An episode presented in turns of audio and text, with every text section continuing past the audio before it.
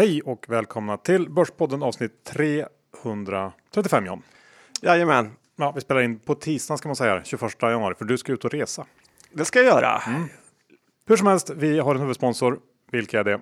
Det är IG. Ni lär känna till det vid det här laget och eh, det är ju så bra att IG erbjuder ju aktiehandel i i princip alla länder. Till exempel vill du trada aktier i Storbritannien som eh, många av våra fonder gör så kan du göra det via IG och då betalar man inte heller den här eh, stämpelskatten.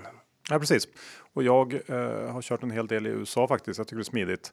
För blankningarna är extremt enkla att göra via IG. Ja, men så är det. Eh, och det är ett smidigt sätt att komma åt den marknaden. Så att det, det eh, ska man ha med sig. Eh, man ska också komma ihåg att de här nya, eller relativt nya i alla fall, turbovantarna eh, har blivit en hit. Testa dem om ni är intresserade av det. Och ja, gå in och öppna ett konto helt enkelt hos IG. Det ska man göra. Ja, och bli heller inte förvånad om någon från IG eller när någon från IG ringer upp dig för att erbjuda en kort genomgång av plattformen, för de ringer alltid till nya kunder.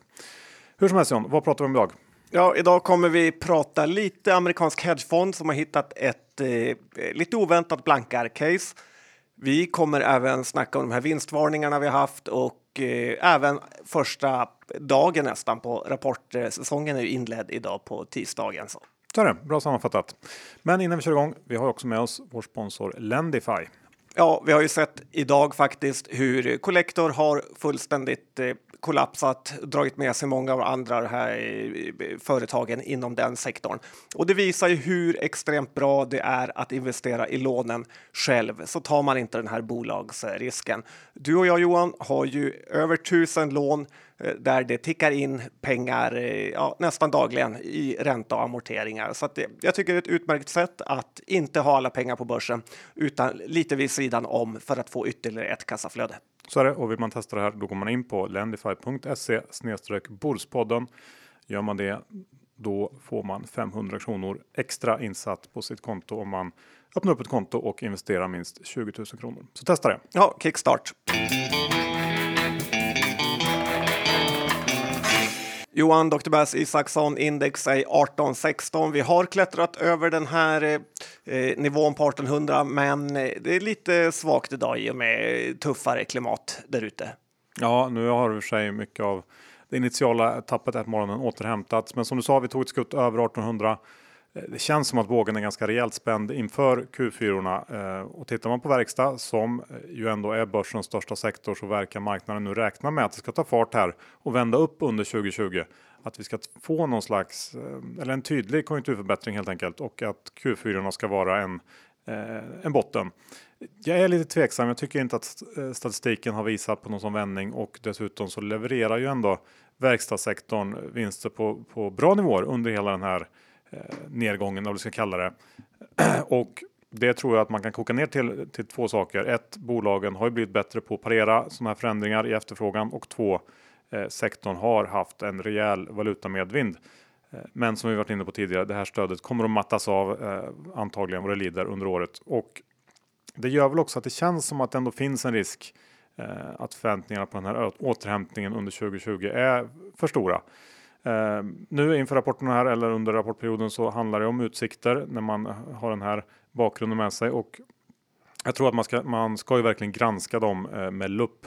Sandvik kom ju precis in här på morgonen och vi ska prata mer om dem sen. Men eh, ja, det måste ju eh, hänga på utsikterna till väldigt hög grad tänker jag. Ja, jag känner lite att eh, nollränteläget kör ändå att börsen friar hellre än eh, fäller eh, faktiskt. Absolut, så har vi, det har vi sett idag med Sandvik. Det är ju det är svårt att säga något annat. Men vi återkommer till det lite senare. Eh, Jag tänkte vi ska prata lite Hägerstrand. Ja, kul. Vår, eller din finska kompis, eller om man är från Åland eller vad Jag det är. tror att det är Åland faktiskt. Ja, föra, vad ska du säga? Nej, men jag såg, jag läste i gårdagens DI att han spekulerar kring vd-byte i eh, Wärtsilä. Som ju eh, gått riktigt kast sista åren. Ehm, och det är väl kanske rimligt. Men det jag tycker att man missar kanske, eller att Hägerstrand missar att prata om, är ju eh, att de ändå hade den hyllade superstjärnan Björn Rosengren som vd eh, innan nuvarande vd. Ehm, vilket ansvar bär han från sin tid som vd där? Och om man nu är en sån, sån liksom super-vd borde han kanske inte ha sett vad som skulle kunna hända och ompositionerat bolaget under sin tid där. Så att man inte hade behövt hamna i den här sitsen man sitter i nu med en teknikutveckling som verkar ha lämnat eh, Wärtsilä på, på efterkälken. Eh, och det har också höjts en del kritiska röster som ifrågasatt den här decentraliserade strategin som Rosengren implementerade under sin tid där på, på Wärtsilä och som egentligen kommer från hans tid från, från Atlas. Det är den här Atlas Copco-skolan som många framgångsrika vd kör med. Decentralisera. Punkt ja, nu. lite så, men det är väl. Eh, jag tror att det är väl bara så att det finns ju liksom inga framgångsrecept som alltid funkar. Eh, det här med att decentralisera och få ut mer ansvar ute i organisationen må vara jättebra för att liksom optimera alla delar och driva lönsamhetsförbättringar. Men det kanske är mindre lyckat när man måste genomföra större mer övergripande skiften i strategi som fallet verkar vara i Wärtsilä där någonting stort har hänt med, med liksom hela marknaden och eh, jag vet inte. Det blir spännande att följa hur han lyckas i ABB, men jag tycker ändå att man kanske kunde ta upp eh, Wärtsilä när man pratar om eh, Rosengren. Ja, jag tror han själv vill glömma bort det där helst. Ja, säkert. Vi går över till eh, USA. Det är snart primaries Jajamän, det här är alltså valen som Demokraterna gör här för att rösta vem som ska bli deras kandidat för att utmana Trump. Det brukar vara rätt kul att följa, eh, särskilt om det blir några roliga skrällvinnare i början. Eh, det är ju otroligt tuff gallring i USA. Tveksamt om eh, Steffe hade klarat katten där kan jag säga. Eh, jag tror dock att börsen eh, kommer kanske börja oroa sig om det börjar gå för bra eh, för den här gubben som heter Bernie Sanders som var hyfsat het eh, förra eh, gången också. Eh, han är ju lite av en vänstergalning, tycker eh, börserna. Så att eh, sanningen är väl så här egentligen att alla världens investerare håller stenhårt hårt på Trump utan att någon egentligen vill säga det. Ja, men det tror jag du har rätt i faktiskt. vi byter ämne snabbt igen. SSWM är ju någonting som de som handlar aktier känner till. Ja, verkligen. Det har en eh, relativt ny tickerkod. Det var en trader som kallade det för SSWM Aidset eh, som finns på börsen. En mäklarkod alltså menar du? Ja, och det är den mäklarartikeln då som i princip varenda bolag på hela börsen och då pratar jag även ner till mikro, mikro capbolagen. De frontar, de förstör precis allting Eh, det går knappt att lägga en order utan att de är där. Eh, de är också väldigt duktiga på att rigga kolen eh, och de gör precis allt som en vanlig person inte får göra. Och det här SSW Market Making GmbH är ju deras riktiga namn och jag gjorde en liten googling på dem. Då ser man att Finansinspektionen och brittiska Finansinspektionen har utfärdat någon typ av varning för att det är något suspekt med den här firman. Och jag tycker att det är märkligt att man låter utländska robotar husera göra precis hur man vill eh, samtidigt eh, som man eh, då utfärdar färdar varningar för dem. Eh, och eh, det står ju på brittiska Finansinspektionens hemsida att eh, SSVM, alltså om firmor som det här, är eh, sådana som are running investment scams. Så det låter inte jättebra. Nej, det är någonting för någon att gräva vidare i helt enkelt. Men jag håller med, det låter inte bra. Eh, något mer som väl kanske inte är så bra är ju det som har hänt i huvudstaden C. Ja, har blivit lite uttjatat här sista dagarna eh, och nu är börsen efter några års eh, funderande kommit på att man kanske ska avnotera den här aktien. Vi vet ju att Lundberg utan problem skulle kunnat råda bot på det här, men han har ju förmodligen älskat att se hur absurt rik han varit på pappret när varje aktie kostat flera tusentals kronor och han äger ju typ alla av dem. här vill får man ändå ge lite cred till Avanza som har ju agerat exemplariskt. De har gjort C-aktien obelåningsbar samt också gjort att man måste telefonhandla den. Eh, och jag tycker att det är precis så man ska försöka lösa sådana här äh, härver. Eh, medan Nordnet inte brytt eh, sig alls och har fortfarande 50 procentigt belåningsvärde där. Så att om de här nätmäklarna med deras eh, större och större makt kommer också ett ansvar. Ja, så är det. Jag instämmer där. Ska vi avsluta kanske med eh, Postnord? Ja, men det kan vi göra. För... Du har ju fått lite vatten på din kvarn där. Ja, men verkligen. Och de gör det igen, Johan. De förlorar otroliga mängder av eh, skattebetalarnas eh, pengar. Eh, danskarna har ju som så ofta lurat oss igen och vi får ju tacka The Oracle från Övik, Maud Olofsson, för ytterligare en katastrofaffär. Kanske nytt citat från Churchill igen, Johan. Aldrig har så få förstört för så många på så kort tid. Eh, Maud Olofsson signerat. Eh, men en rätt sjuk grej var ju att eh, förra veckan eh, fick jag fem brev från kommunen. Ett brev per barn för utvärdering Eh, samt en räkning för fritids och eh, förskolan. Och det är ju helt otroligt hur det här kan få fortsätta. Eh, alltså ett brev per barn där det står att man ska gå in på nätet och göra en utvärdering. Staten verkar ju tvinga kommunerna att göra så här för att inte posten ska se ännu värre ut. Och ja, sen kan vi ju ta upp det här med Delarka, hur de har blivit totalt lurade av Delarka och betalar enorma hyror för lokaler de inte ens behöver behöver. Så att eh, folk som säger att det bästa vore att staten ska ta över skolor och andra eh, saker när de inte ens kan dela ut brev på ett vettigt sätt eh, tycker jag får tänka igen. John, ska vi börja med Sandviken då? De är ju först ut i rapportperioden, eh, ett av de större verkstadsbolagen och ehm, ja, de kommer sin Q4 nu på tisdagsmorgonen. Vi får påminna här igen om att vi spelar in på tisdagen Eh, den här veckan. Eh, men rapporten då, den var ju i sig ganska mycket inline kan jag tycka. Resultatet någon liten procent bättre samtidigt som orderingången på marginalen var lite sämre. Beror också lite på vilka konsensusestimat man jämför med. Det finns lite olika nu för tiden. Eh, men i det stora hela inga jätteavvikelser och Sandvik kör ju inte heller med någon guidance. Men Rosengren pratar om fortsatt bra aktivitet inom de här mer långcykliska delarna, det vill säga gruv och energi, medan de sett betydande minskning för kortcykliska, den kortcykliska affären helt enkelt. Ehm, och vad är det för något egentligen? Att man köper engångsdelar? Ja, men det är de mer förbrukningsgrejerna och sånt som krävs för att ja, driva ongoing business antar jag. Jag är ju liksom ingen mega eh, gruvexpert, men jag gissar det. Och eh, ändå en sån här rapport efter en riktigt stark period för aktien öppnar ju ändå upp för lite olika tolkningar. Eh, jag hade ju kunnat se liksom en hel del minus eh, i ett annat läge på den här rapporten, men aktien, och aktien öppnade upp eh, ja, någonstans 3-4% ner på morgonen, men under konfkålet så levererar ju eh, Rosengren ändå och lyckas uppenbarligen lugna marknaden. Jag såg precis innan vi gick in här och spelade in så var den på plus. Um, jag lyssnade såklart in på det här konfkålet. Han utstrålar ju verkligen självsäkerhet, det får man säga. Eh, började med någon typ av radioteater light med sin CFO där de skämtar lite om hur de hade eh, i princip jobbat bort hela nettoskulden. Eh, CFO bad om ursäkt för att det var 40 miljoner eh, kvar och att, att de hade misslyckats här, men de hade gått från 40 miljarder. Så att det var lite så här små, små eh, hejsan svejsan. Men eh, sen fortsatte det bara. De liksom eh, lyckas ju vända det här. Och tittar man på slutmarknaden så är det fortsatt eh, auto som drar ner och som går riktigt svagt och det påverkar hela Europa. Eh, USA har tydligen också börjat gå lite svagare samtidigt som det fanns eh, några små ljusglimtar i Kina. Men Ja, sammanfattningsvis får man väl säga att det verkar som att Sandvik klarar den här Q4-rapporten med darr på ribban. Eh, men jag tycker fortfarande att det är upp till bevis under 2020. Eh, det måste ju eh, bli liksom bättre än så här för att, för att motivera aktiekursen. Men är det verkligen så dyrt? Jag menar, de tjänade 10, 50, kanske 11 kronor under 2019 och aktien står i 180 spänn. Det är ja, P 16,5 17. Inte jättehögt ändå. Inte jättelågt heller.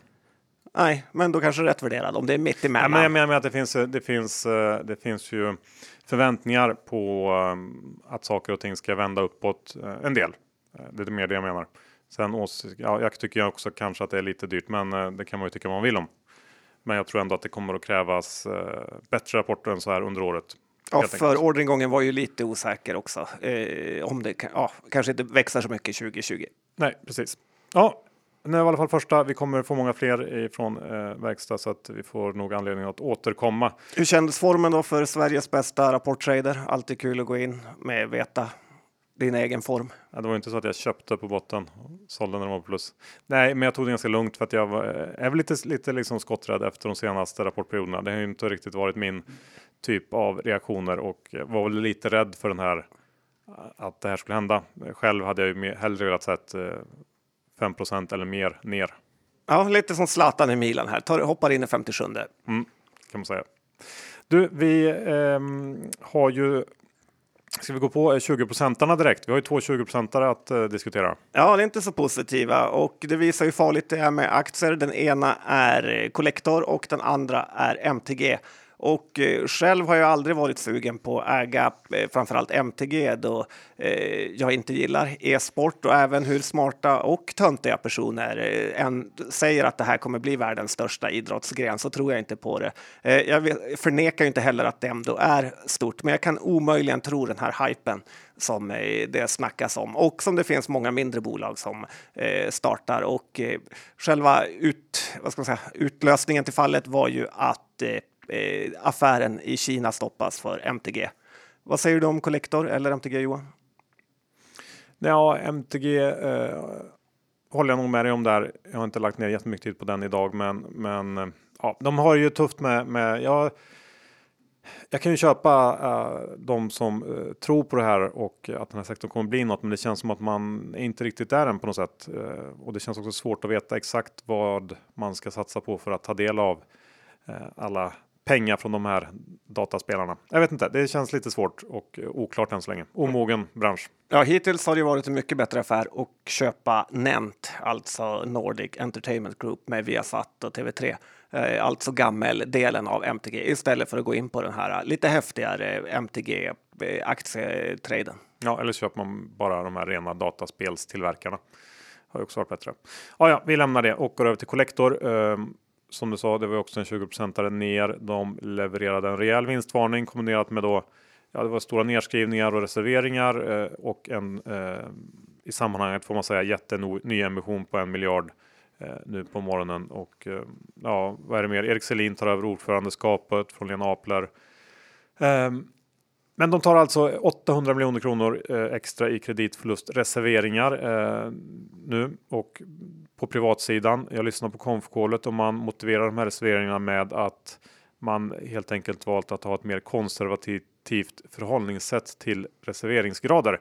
Eh, jag vet inte, jag, jag anade i alla fall att analytikerna inte var helt nöjda med svaren. Eh, de försökte få ut mer, lite mer kött på benen kring det här, men eh, i alla fall under den tiden jag lyssnade så tycker jag inte att man fick någon riktigt bra förklaring. Jag tycker att det känns lite halv, eh, ja, dåligt att inte beskriva det bättre, men det kanske bara är så det jag, jag vet inte. Ja, och det är konstigt av en bank eller vad de nu är att eh, säga att man ska bli lite mer konservativ med utlåningen i framtiden, att bara börja med det över natten.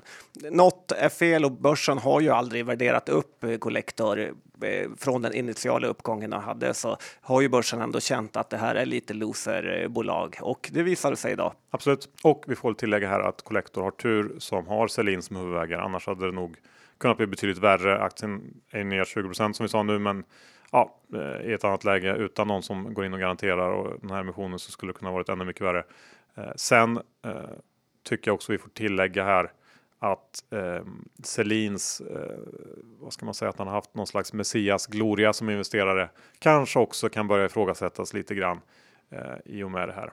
Vi, vi, vi får se. Eh, vi lämnar det och går över till det har ändå varit en del vinstvarningar känner jag. Proakt.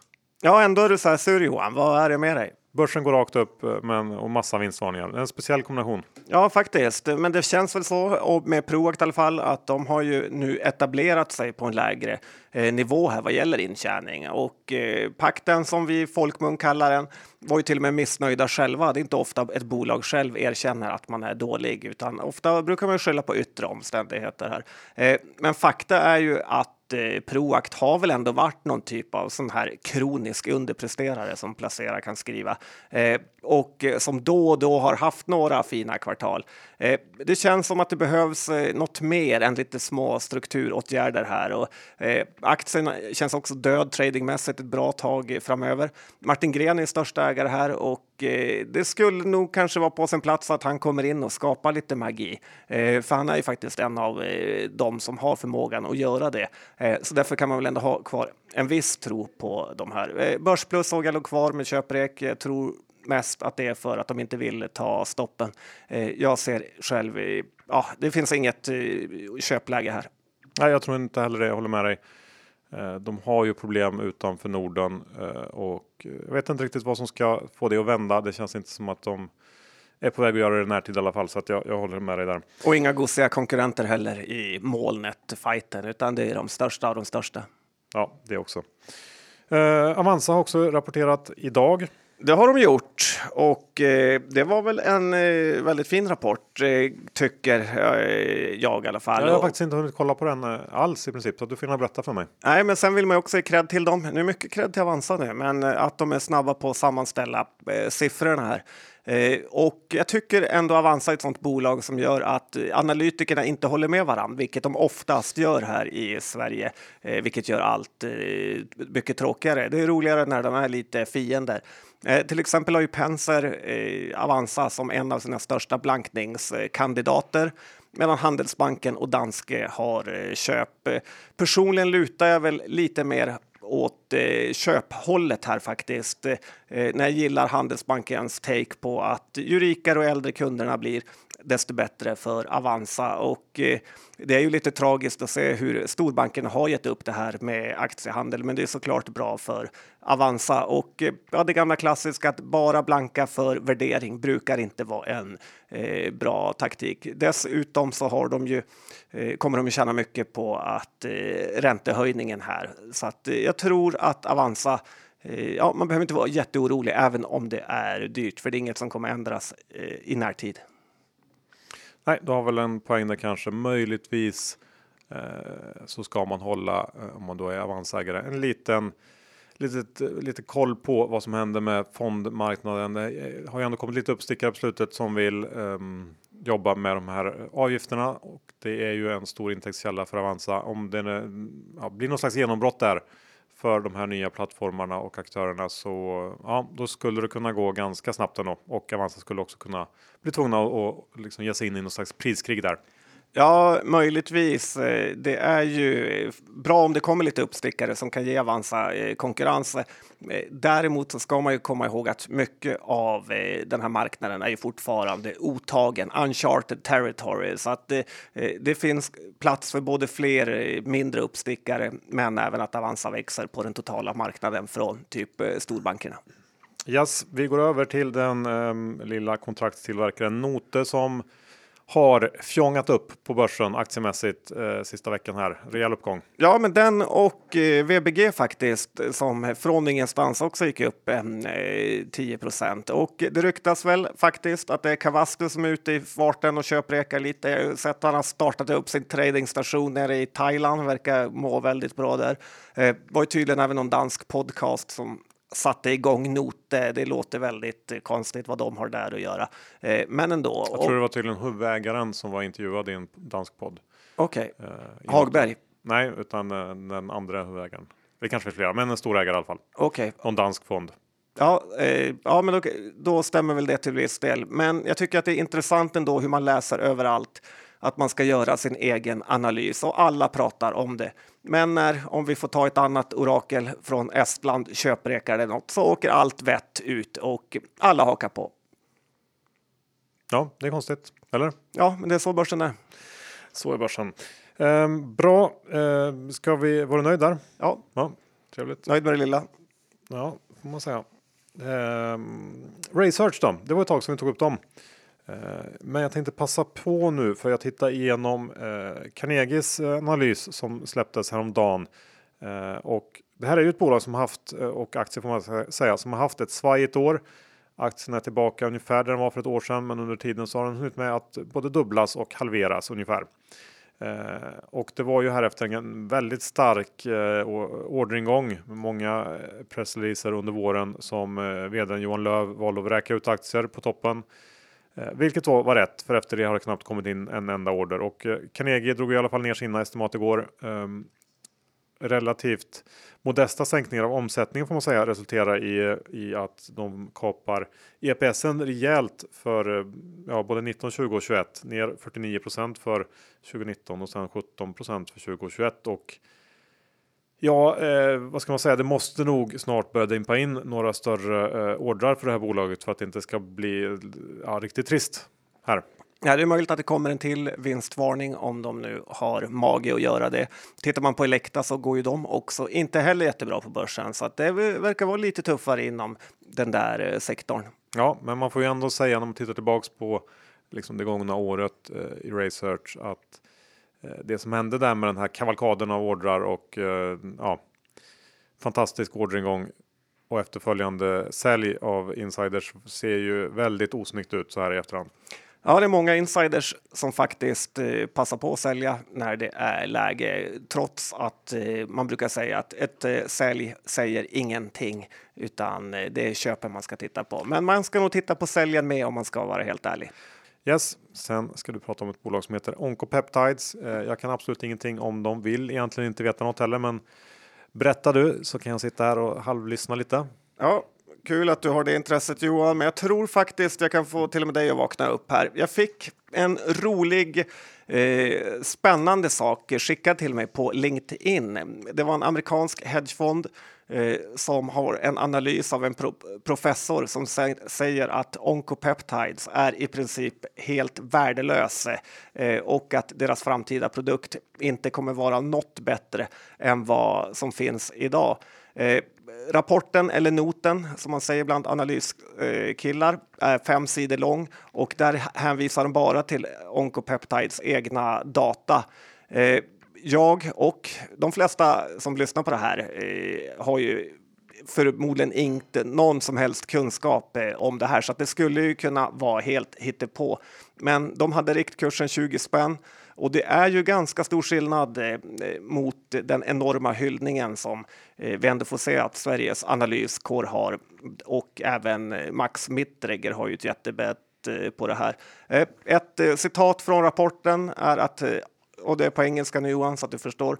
Oncopeptides are worth only the cash on their balance sheet. Eh, alltså då 20 spänn. Så att det var en brutal, a lot of negativity där ute. Ja, men spännande. Det var faktiskt eh, ändå lite spännande. John. Det där eh, gillar jag. Du får, mm, ja, eh, skicka den där analysen till mig så får jag kika på den. Jag fick inte dela den vidare Johan. Det är den nivån jag är på just nu. Så högt så att det är lögligt. Oj då. Ja. Um, vi, då tänkte jag, eftersom du känner dig så himla högt upp och, och jag tänkte trycka, trycka ner dig lite grann ändå. Får jag göra det? Ja, jag är så van så. Ja. Eh, jag tänker på Serneke. De, ja, Ola. Ja, de kom ju ändå förra veckan med en efterlängtad lösning eh, för sitt mastodontprojekt Karlatornet eh, genom att sälja 80% till Oaktree och eh, det kommunicerades ingen köpeskilling. Den kommer väl kommer vi få reda på när affären avslutas och alla papper är på plats. Men man kan misstänka här att Oaktree ändå fick de där 80 procenten rätt billigt. oavsett tycker jag att det var en väldigt snygg affär av Serneke som då ja, lyft en hel del från sina bottennivåer aktiemässigt. Jag tycker eh, också att det som sagt är läge för ett litet förlåt från dig John till Ola för allt uh, dumt du har sagt.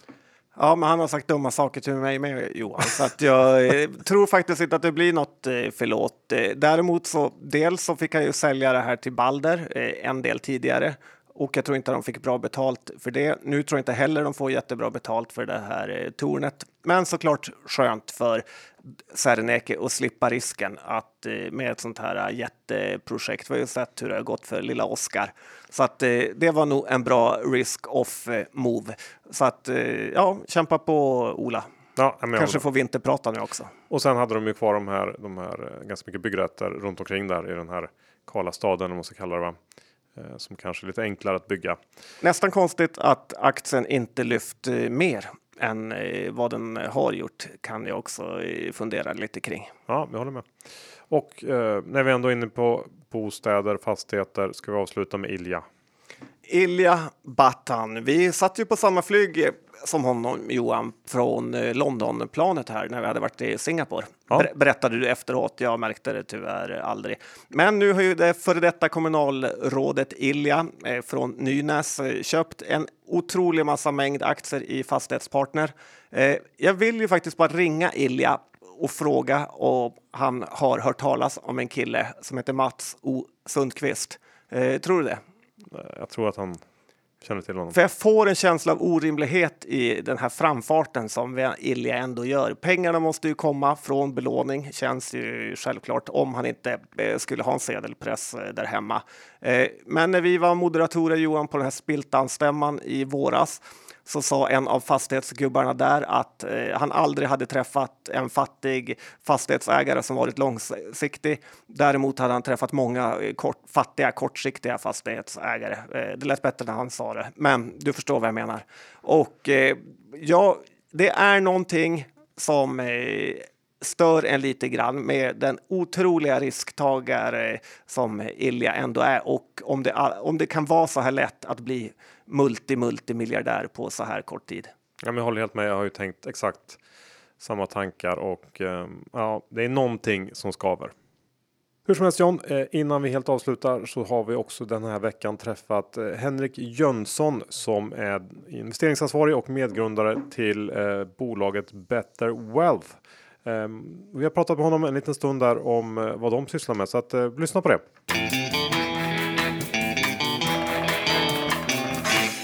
Vi har med oss Henrik Jönsson som är medgrundare och investeringsansvarig på Better Wealth.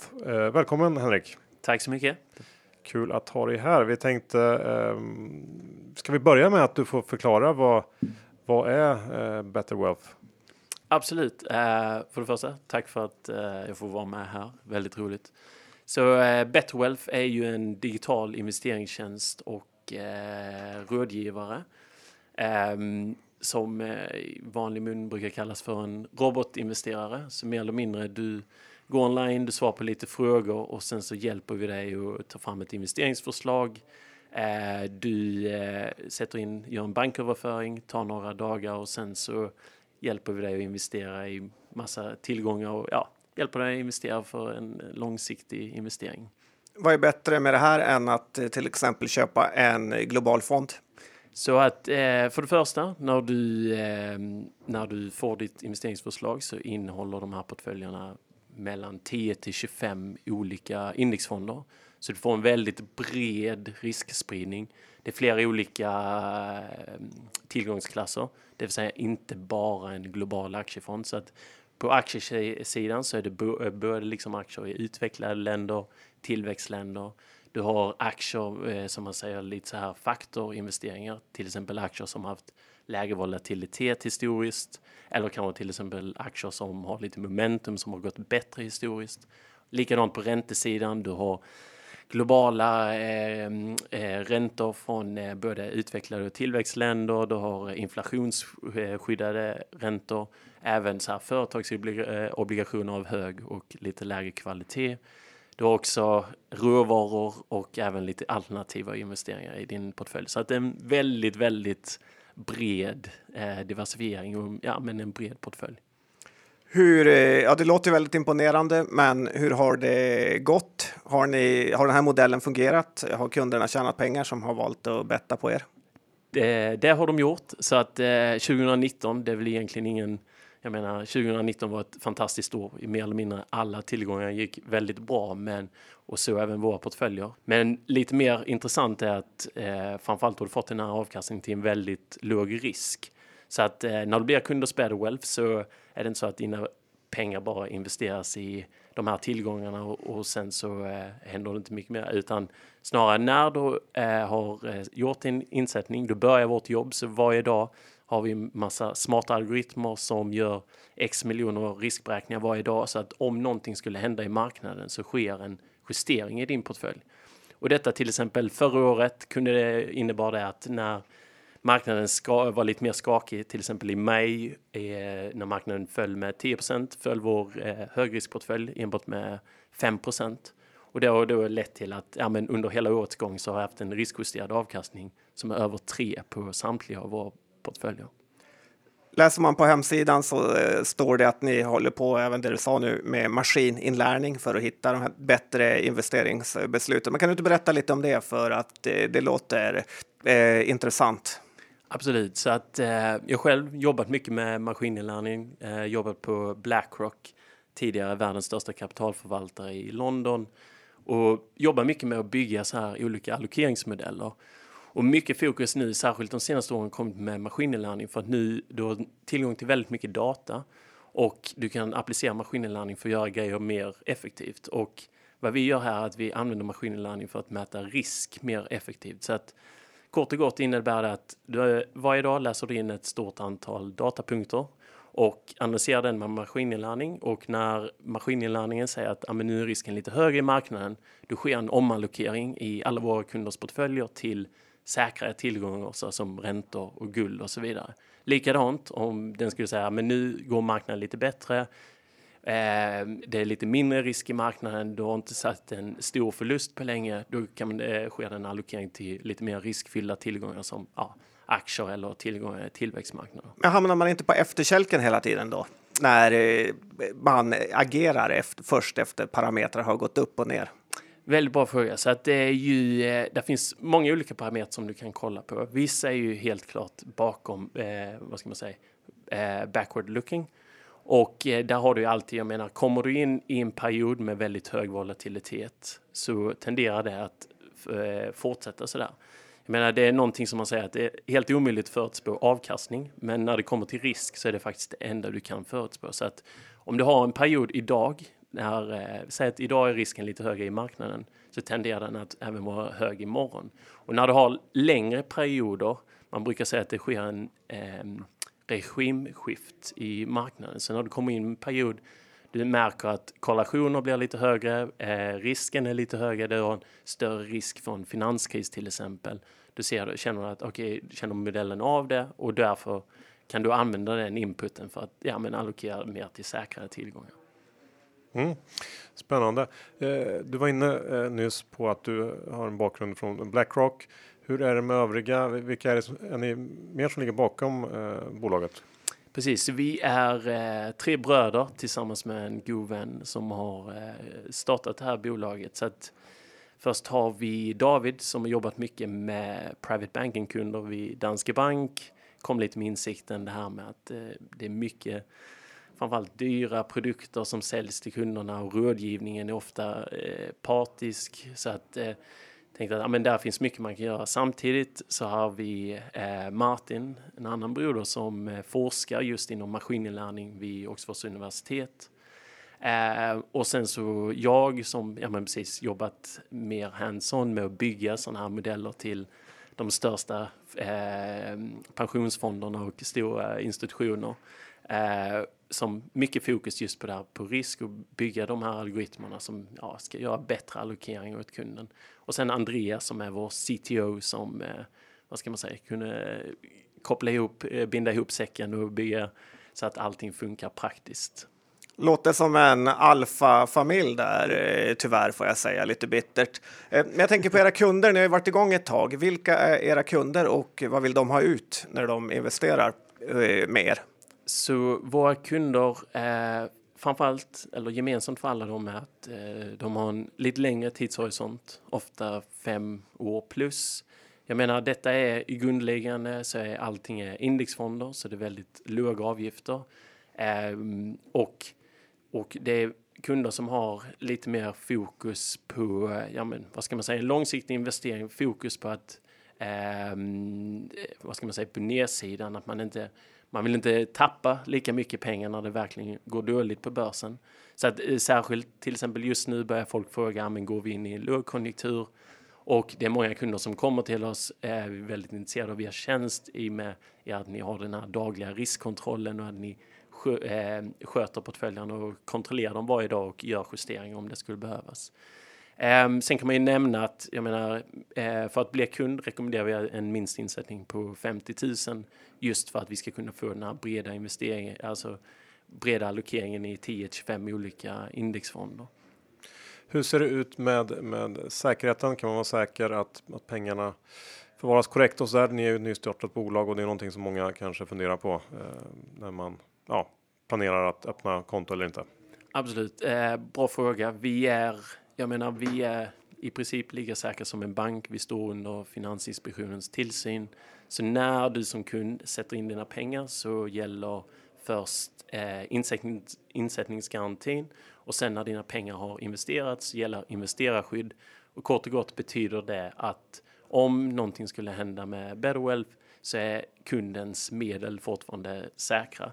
Jag menar, vi är bara en mellanhandel. Vi köper de här underliggande fonderna och eh, sköter portföljen åt kunden. Men det är inte vi som äger tillgången utan det är alltid kunden. Så att vi har faktiskt, skulle någonting hända med Betterwealth, får väl hoppas att det inte sker, så kan vi antingen sälja av kundens eh, tillgångar eller föra över dem till valfritt konto.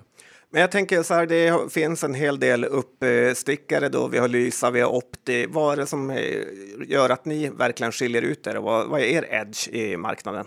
Så att Eh, på utsidan skulle jag säga att vi är ganska lika. Jag menar, det, vi är digitala, du går online, det är väldigt enkelt, du blir kund på några minuter, signar med BankID och sen sätter upp ett konto. Vad som skiljer oss, stora delen är att när du väl har blivit kund, då börjar vårt jobb.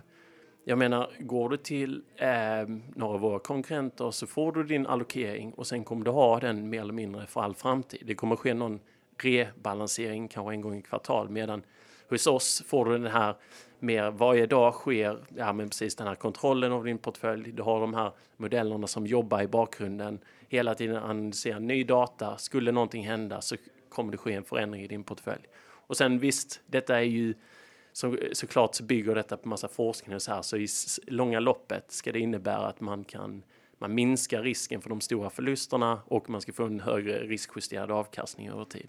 Som till exempel förra året var ett bra exempel på. Men om man tänker så här, kan man, eftersom du pratar att ni gör det i fonder och index, eh, ETF, kan man inte göra det här själv då eller? Eh, kan, kan man. Det, men det krävs eh, att du ska ha, för det första ska du ha en eh, väldigt bra riskmodell som du måste själv läsa in den här datan, ha olika program för att göra detta eh, och sen eh, bestämma allokeringen. Du ska också bestämma när du ska göra omallokeringar och så vidare. Så att det är ehm, ja, det går att göra, men det krävs en viss expertis och eh, väldigt långt arbete. Jag kan säga att för att utveckla den här modellen har tagit fyra år plus att utveckla. Hur, hur, tänkte ni när, ni när ni drog igång det här projektet? Vad var det som fick er att, att uh, satsa? Så egentligen så var alltså en kombination av delvis när det kommer till rådgivning och så här liksom att du går du till en bank, de kommer alltid försöka sälja sina egna produkter och där de tjänar mest pengar. Så där behöver det ske en förändring. Um, och det är också en av, vi är en av de få aktörerna i Sverige som klassades som oberoende. Så att precis, vi har eh, garanterat av Finansinspektionen att när det blir kunder hos oss kommer vi bara välja de investeringarna som är bäst för kunden. Det vill säga låga avgifter. Det är också en av anledningarna till att vi bara investerar i, i eh, passiva indexfonder. Och sen så är det just det här att ja, när det kommer till investeringar, jag menar jag själv jobbat med de här stora institutionerna och de kommer med hundratals miljoner och till och med miljarder och säger mycket fokus på att okej, okay, det här ska vara en långsiktig investering. Jag vill inte när det skulle vi komma in i en lågkonjunktur, vilket alltid kommer att hända, det kommer, eh, ekonomin går i cykler. Då vill jag ha den här, vad ska man säga, riskkontrollen över att det ska vara no någonting som sker i portföljen. Jag vill inte sitta på min statiska allokering alltid. Och då tänkte vi att men idag med eh, tillgången till data, du har tillgången till billig datakraft eh, genom molnet så kan vi erbjuda detta till vanliga privatpersoner. Så du behöver inte vara en kund med flera hundra miljoner för att få tillgång till detta, utan vi kan erbjuda det till alla. Vad får man betala för det här då? För jag menar, det låter som avancerade grejer. Är det, ett, eh, ja, vad kostar det? Så att vi tar en eh, förvaltningsavgift på 0,75 eh, en årlig förvaltningsavgift och sen tillkommer avgifterna för underliggande fonder.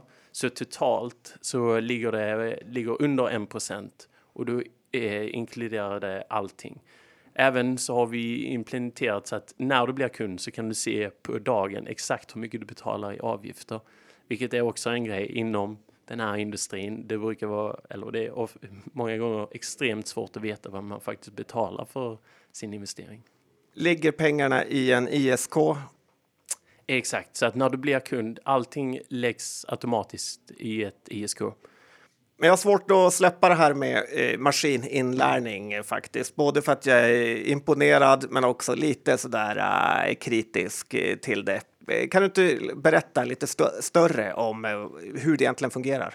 Absolut, så att först kan man ju liksom bara kolla på industrin i det stora hela. Så att jag tror det var september, oktober förra året så är första gången någonsin som mer pengar förvaltas av robotar än människor. Och detta är också, visst, det är mycket av detta är passiva, systematiska, liksom rena strategier, men framförallt så börjar man se mer och mer hur maskininlärning appliceras inom investeringar. Och det är just av den enkla anledningen att traditionellt sett så har du haft liksom eh, många, du har haft många förvaltare som eh, sitter och diskuterar och de går på känsla när de gör sina investeringsval, vilket är extremt svårt. Det är en väldigt, väldigt liten del förvaltare som klarar att, ja men, vad ska man säga, slå marknaden eller ge bra resultat. Kanske kan man lyckas ett år, men sannolikheten att du ska lyckas över många år i sträck är väldigt, väldigt svårt. Och då har man sett att ja, men just med maskininlärning kan du göra detta. För det första är det mycket billigare för du en robot eh, som du utvecklar och du behöver inte ha massa människor som du ska betala löner till. Eh, likadant så är det ju just det här med tillgången till data. Jag menar idag finns det mer data tillgängligt, eh, eller vad man säger, att de, bara genom de senaste två åren så jag tror det var IBM som räknade ut att 90% av all data som är genererat eller som är tillgänglig idag har genererats bara under de senaste två åren. Och det är bara ett bevis på liksom hur mycket mer elektronisk data som finns tillgänglig där ute. Och det är helt omöjligt för en människa att hålla koll på alla de här. Eh, när vi gör det eh, så ska man, även om liksom maskininlärning, vi gör det för att mäta risk och vi använder faktiskt några av de absolut enklaste maskininlärningsalgoritmerna, det kallas för klustermodeller, som är väldigt transparenta. Eh, man har alltid en bra inblick i vad det är som sker eh, under skalet så att man har en förståelse för det också. Och det är någonting som är också extremt viktigt för att när det kommer till bygga sådana här avancerade algoritmer som för att investera, om du har en vad man kallar för en black box och modellen berättar någonting så det är väldigt, väldigt svårt att veta om det kommer, bara för det har funkat historiskt, om det sen kommer funka i framtiden. Men det måste ju precis som med människor finnas bra och dåliga eh, liksom, algoritmer och eh, investeringsbeslut eh, som datorerna tar. Absolut. Jag menar, det är ju, där blir det ju mer och mer sofistikerat för att eh, du har ju modeller som lär sig av sina misstag och sen utifrån det hela tiden förbättra sig. Och det är hela tiden en väldigt fin balansgång mellan att du ska ha en modell som inte får vad ska man säga, lära sig för mycket av. För att du har fortfarande bara en historisk, eh, en, histor en historia att kolla på. Så du får inte lära sig för mycket av historien för att den måste kunna generalisera in i framtiden. Och där är en balansgång för att hitta det för att, och då har du en riktigt bra modell. Kan du inte ge oss lite vad säger er eh, algoritm nu? Vad, vad är synen på marknaden just idag? Precis, eh, bra fråga. Så vi eh, skrivit ett blogginlägg om detta för en vecka sedan. Så vi har eh, en, eh, vad ska man säga, en riskmätare som varje dag kollar på några hundra olika parametrar och sen utifrån det så ja, men precis, applicerar vi den här maskininlärningen och så berättar den om vilken typ av marknad vi befinner oss i. Just nu befinner vi oss i ett ganska spännande område för jag menar du har att eh, aktiemarknaden är eh, precis varit på all time high och du har i Kina sen det kom ut en ny BNP-nummer som sa att de växer långsammare än vad de gjort på 29 år. Men samtidigt så har man en aktiemarknad precis som har bara fortsatt rakt uppåt. Så just nu befinner vi oss någonstans mitt emellan, vad ska man säga, en medelrisk för en större krasch. Så att vi är inte riktigt i ett sånt område där man förväntar sig att just nu kommer det ske ja, men en större börskrasch och vi är inte i ett område där man tror att ja, men börsen kommer fortsätta rakt uppåt. Och som sagt, detta är någonting som vi mäter varje dag. Um, och sen kan man också tillägga, även vi mäter det varje dag och sen sker en allokering när den här mätaren slår om tillsammans med, ja, men man kan se om eh, det finns möjlighet att göra, eh, ha mer diversifiering i din portfölj. Ja, spännande. Men, men hur? Det låter som att det här kan ju då ge att ni, ni får göra om allokeringar ganska ofta. Eller hur, hur ser det ut i praktiken? Precis, så i praktiken. Vi mäter risken varje dag och det beror precis. Det beror väldigt mycket på vad som händer i marknaden. Men man kan säga historiskt så har det skett en omallokering 3 till 5 gånger per år.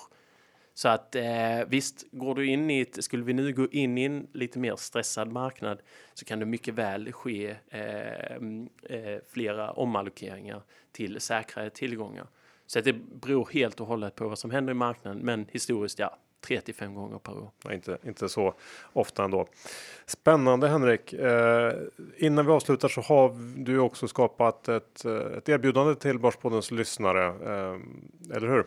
Precis, så att eh, ni som lyssnar på detta och tycker det verkar spännande. Ni får hemskt gärna gå till betterwell.se Borspodden. Vi kommer också lägga till en länk. Och eh, går ni in där och klickar att ni vill bli kund så får ni de första två eh, månaderna gratis eh, fri förvaltningsavgift. Ja, det låter väldigt eh, generöst och roligt att prova på. Ja, bara gå in och testa. Henrik, tack så mycket för att du tog dig tid och eh, titta förbi oss här vid Odenplan. Tack så mycket.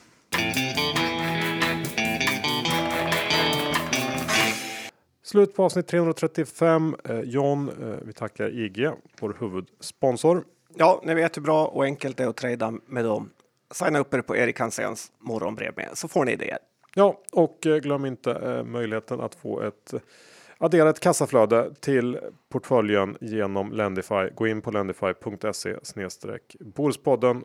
Eh, då kan du få 500 kronor extra insatta på ditt konto om du öppnar upp ett eh, sparande och investerar minst 20 000 kronor.